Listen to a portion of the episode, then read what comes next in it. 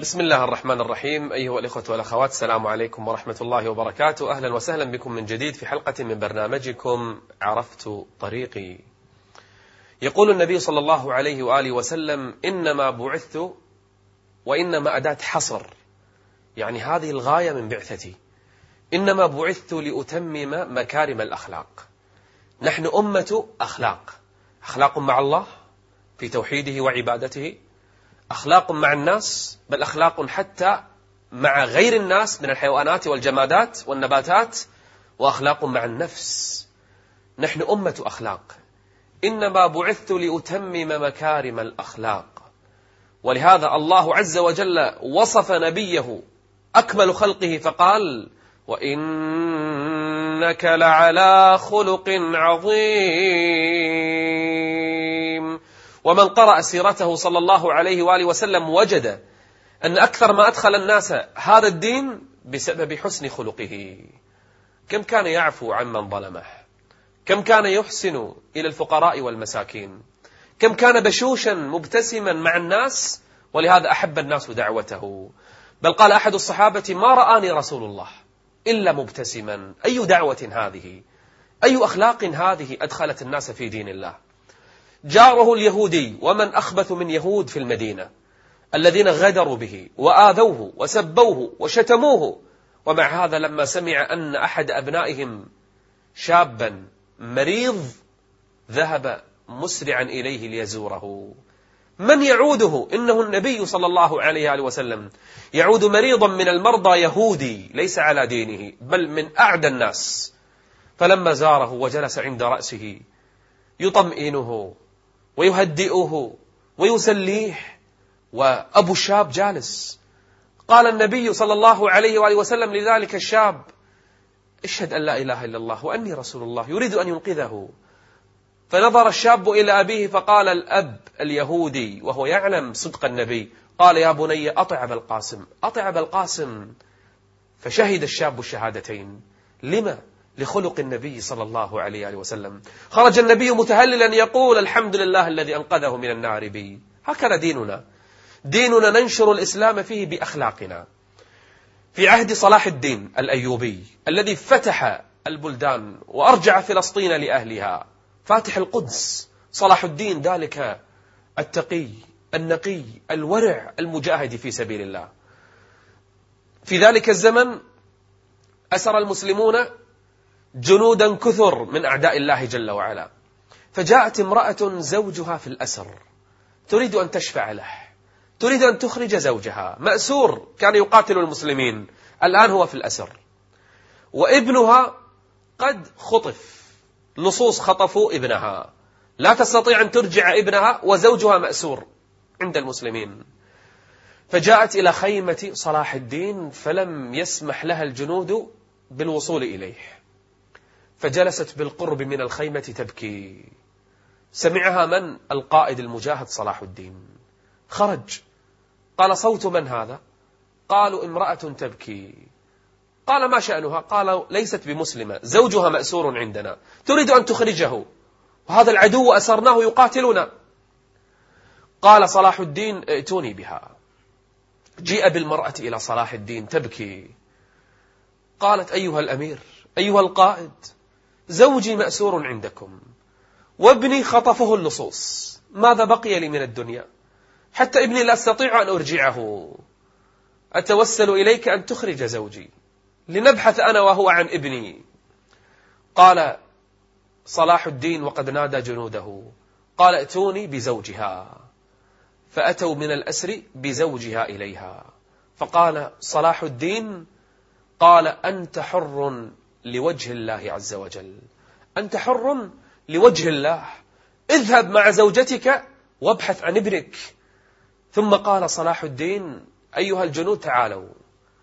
فإذا به يسخر بعض جنوده ليذهبوا مع هذا الزوج ليبحثوا عن ابنه. كافر. والزوجة كافرة. والابن على دينهم. وسخر جنودا ليبحثوا عن ابنهما. مع أن الرجل كان يقاتلهم قبل قليل. فذهب الجنود يبحثون عن الإبن الصغير حتى وجدوه وأرجعوه ممن خطفه وذهبوا بالإبن الصغير إلى الأم يمسحون دمعتها. وما هي إلا سويعات وترجع الأم ويرجع الزوج والطفل الصغير إلى خيمة صلاح الدين. قالوا يستأذنونك ماذا يريدون الآن؟ فأدخلهم صلاح الدين. وإذا بالمرأة وزوجها يقولان نشهد أن لا إله إلا الله وأن محمدا رسول الله. هكذا المسلمون في دعوتهم. والكاظمين الغيظ والكاظمين الغيظ والعافين عن الناس. والعافين عن الناس والله يحب المحسنين. ولهذا عودنا النبي صلى الله عليه وآله وسلم على شيء اسمه حسن الخلق. قال أكثر ما يدخل الناس الجنة. سئل النبي عن أكثر ما يدخل الناس الجنة. ما هو؟ قال صلى الله عليه وآله وسلم تقوى الله وحسن الخلق. يعني أكثر شيء دخلك الجنة بعد تقوى الله جل وعلا؟ أن تتخلق بخلق حسن. الآن لو سألنا جنوب أفريقيا وأفريقيا كلها وشرق آسيا ما الذي أدخل أجدادهم إلى هذا الإسلام؟ حسن خلق المسلمين. ما غزاهم؟ مقاتلون. ولا دخل إليهم فاتحون. إنما كان التجار يتعاملون مع الشعوب تلك فإذا بالناس تنظر إلى أخلاقهم ويدخلون في دين الله أفواجا. ليش؟ أخلاق أيها القوم. إنه حسن خلق. سهل بن عبد الله التستري أحد الصالحين العباد كان له جار مجوسي يعبد النار. ليس فقط من أهل الكتاب بل حتى ليس من أهل الكتاب. يعني يعبد نارا يعبد أصناما يعبد أوثانا. جار لهذا المسلم الصالح. وكان في البيوت القديمة ما يسمى بالكنيف يعني مكان قضاء الحاجة داخل البيت وكان هناك خرير يسقط بعض النجاسات والماء الملوث إلى بيت سهل بن عبد الله التستري. هذا الرجل الصالح المؤمن المسلم لم يتضايق من هذا ولم يتكلم على جاره. لو اليوم صايرة يمكن على طول شكوى في المخفر حتى مع جار مسلم لكنه كان يغطي هذا المكان ويصلحه ما استطاع. فلما لم يستطع أن يصلح هذا الجدار مع أن المسؤول جار المجوسي. فلما لم يستطع كان يضع دلوا وإذا تجمع الماء النجس كل يوم في الليل لما ينام الناس يذهب ويسكبه خارج البيت. في حفرة من الحفر. لكن بشرط ألا يتضايق جاري. أفعل أي شيء لكن لا أضايق جاري. مرت الأيام والشهور والسنون وسهل بن عبد الله كل ليلة على هذه الحال. حتى اقتربت وفاة سهل وكان يحتضر. فقال لأولاده نادوا جاري أريد أن أكلمه. قالوا المجوسي؟ قال نعم لي إليه حاجة. فلما دخل إليه المجوسي وأخرج الناس من عنده قال يا فلان أنت جاري ولك علي حق. ولقد كان من أمر بيتك كذا وكذا. وكان الكنيف عندكم يعني حمام الخلاء جلكم الله. يدخل بعض المياه النجسة إلى بيتي وكنت أج... قال له القصة. قال صحيح منذ متى؟ قال منذ سنين طويلة. قال لما لم تخبرني؟ قال خفت أن أضايقك. لم أحب أن أزعجك بهذا. قال تفعل هذا؟ قال نعم فعلته سنوات طويلة. لكنني اليوم سأموت ولا أدري. ولا أدري هل من بعدي سيصبر على هذا. أو لن يصبر على هذا. فأردت أن أخبرك حتى تكون على حذر. فبكى المجوسي. وقال قبل أن يموت سهل قال والله إن هذا الدين لدين حق. دين يعلمكم هذا؟ أي دين هذا؟ أشهد أن لا إله إلا الله. وأشهد أن محمدا رسول الله. خذ العفو وأمر بالعرف. الله جل وعلا يقول لنبيه اعف عمن ظلمك. اعف عمن أساء إليك. جاء رجل من المشركين يتسلل. يبحث عن النبي صلى الله عليه وآله وسلم. شوف أخلاق في ديننا. حتى وجد النبي نائما. وكان السيف معلقا على الشجرة فأخذ السيف واخترطه. والنبي صلى الله عليه وسلم نائم. فلما استيقظ النبي رفع الرجل السيف يريد أن يقتل به النبي. والنبي صلى الله عليه وسلم الآن مجرد من سيفه. وهذا المشرك رافعا السيف على رسول الله. فقال هذا المشرك لرسول الله قال من يمنعك الآن مني؟ ما في أحد لا أصحاب ولا جنود ولا حرس حتى سلاح ما عندك. من يمنعك الآن مني؟ فقال النبي وهو واثق قال الله الله يمنعك مني. فإذا بالسيف يهتز بيد الرجل ويسقط من يده.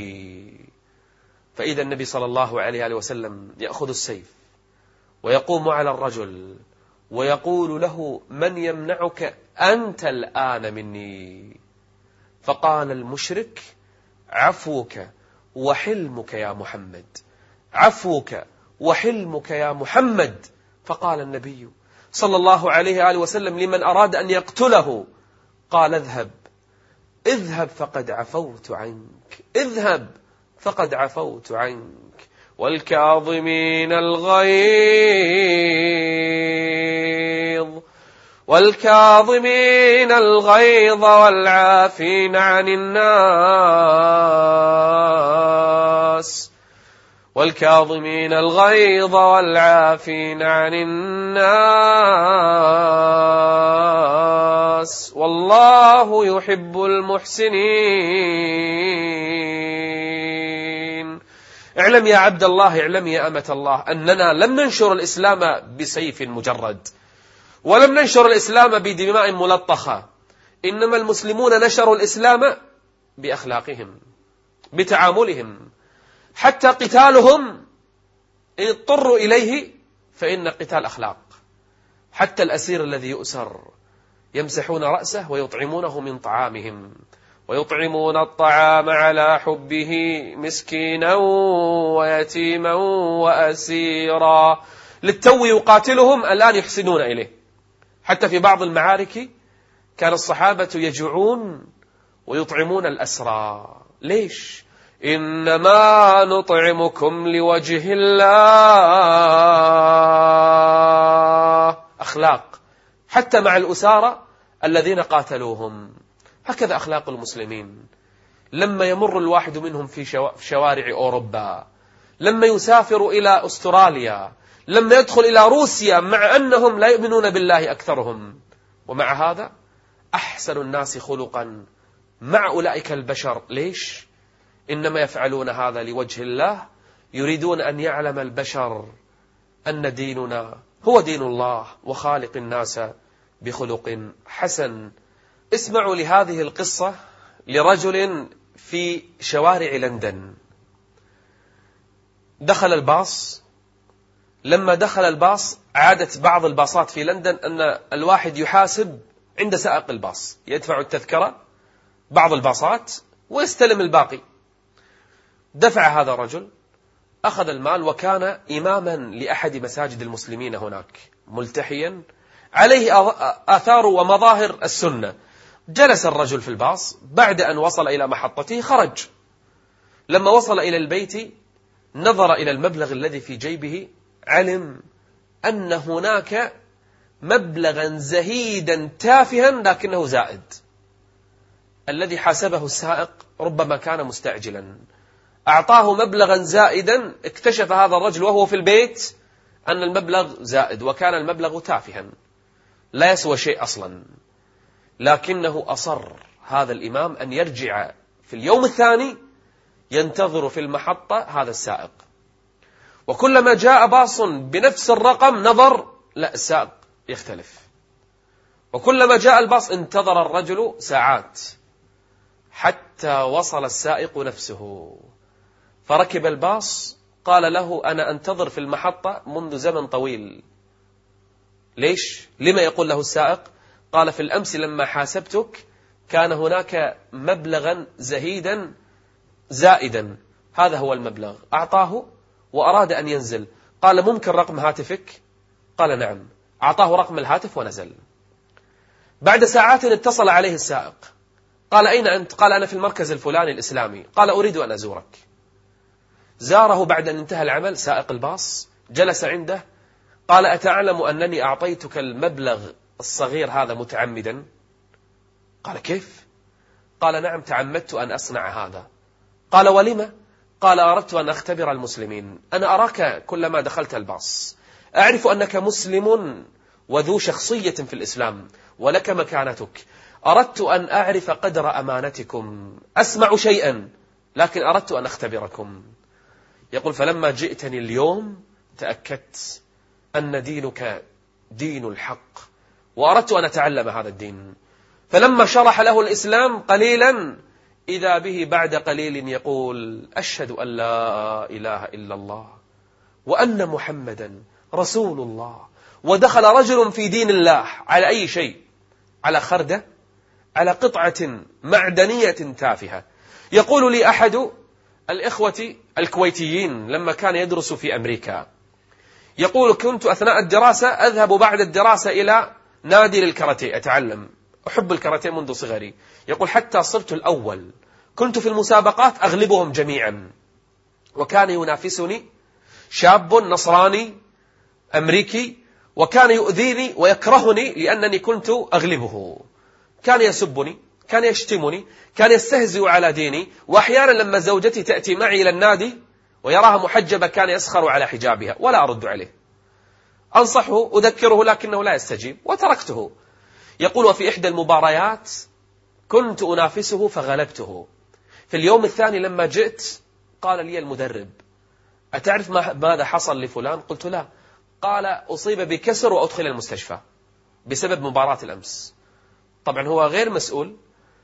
يقول فذهبت إليه أزوره في المستشفى وأرسلت إليه هدية فقط لأنه زميلي في النادي. يقول في الليل الساعة ثلاث أو أربع بالليل اتصل علي اخترعت. قال لي فلان. قلت نعم. قال تعال لي في المستشفى الآن. قلت الآن؟ منتصف الليل. ليش؟ لما؟ ما الذي حصل؟ قال لا شيء أريد أن أجلس معك. قال الآن الجو الوقت متأخر. يقول في الصباح ذهبت إليه. يقول لما دخلت عليه أخذ يبكي. قلت ما لك؟ قال هل تصدق أنا في المستشفى حتى إخواني أشقائي ما زارني أحد؟ أمي علمت بدخول المستشفى لم تكلف نفسها أن تأتي وتزورني. لا أصحابي لا أرحامي لا أحد زارني. يقول إلا أنت عدوي الأول الذي كنت أطعن فيه وبدينه. يقول فقلت له هذا ديننا علمنا على هذا. يقول مرت الأيام أزور وأعودة. يقول حتى خرج من المستشفى فذهبت به إلى مركز إسلامي ودخل في دين الله جل وعلا. ديننا بأخلاقنا بإنسانيتنا ندخل الناس في دين الله جل وعلا. أخلاقنا دوما هي سبب دخول الناس في دين الله جل وعلا. لو كنت سائحا لو كنت تتعالج في دولة أوروبية لو كنت ذاهبا لدراستك التزامك بالوقت حسن حديثك ابتسامتك في وجوه الناس مساعدتك للضعفاء وكبار السن التزامك بالنظام والمواعيد والمواقيت والله أكبر دعوة إلى دين الله جل وعلا. دعك من الكلام والنقاش وغيره. الناس يبحثون عن خلق حسن بل حتى المسلمون. أحيانا ينفر بعضهم من المساجد بسبب سوء الخلق. وأحيانا يحب بعض الناس دروس علم وحلق ذكر وبعض المساجد بسبب حسن خلق أصحابها وروادها. هذا النبي صلى الله عليه وآله وسلم قاتله المشركون أكثر من عشرين سنة. قتال عداء أذى قتلوا أحب الناس إليه حاربوا أقرب الناس إليه. كم قتل من أصحابه من أصحابه ومثل بأجسادهم. ومع هذا لما فتح مكة وأعزه الله ونصره على أهل مكة على أعدائه أكثر من عشرين سنة. لما نصر عليهم وخرج من الكعبة بعد أن صلى فيها ركعتين تجمع المشركون في صحن الحرم. خرج إليهم فقال أيها الناس ما تظنون أني فاعل بكم؟ قالوا أخ كريم وابن أخ كريم. يعني أنت رجل كريم نعرفك. قال اذهبوا. اذهبوا فأنتم الطلقاء. لا تثريب عليكم اليوم. لا تثريب عليكم اليوم. حتى الكلام ما نتكلم عليكم بسوء. اذهبوا.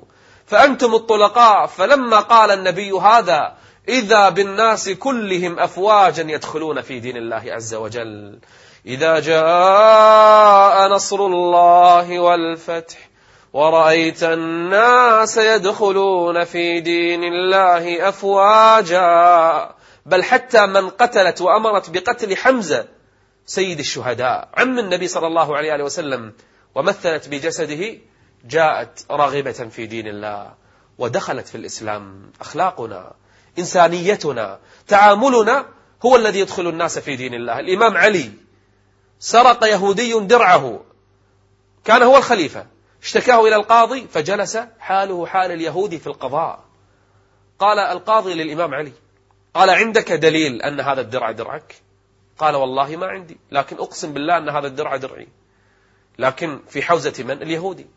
قال أيها اليهودي هذه درعك؟ قال نعم والله إنها درعي. فحكم القاضي لليهودي وكان اليهودي كاذبا. فلما خرج اليهودي تعجب رجع وبكى واعترف عند القاضي. قال والله ليست بدرعي لكن قائدكم وحاكمكم تحكمون لي ضده وهو صاحب الحق. والله إن الدرع درعه وأنا أشهد أن لا إله إلا الله وأن محمد رسول الله. هذا خلق ما تعلمتموه إلا من نبي. دخل اليهودي في دين الله لخلق من؟ لخلق الإمام علي. أخلاقنا هي التي تدخل الناس في دين الله جل وعلا. فلنكن دعاة بأخلاقنا في الأرض كلها. نلقاكم إن شاء الله في حلقة من الحلقات الأخرى. أستودعكم الله. والسلام عليكم ورحمة الله وبركاته.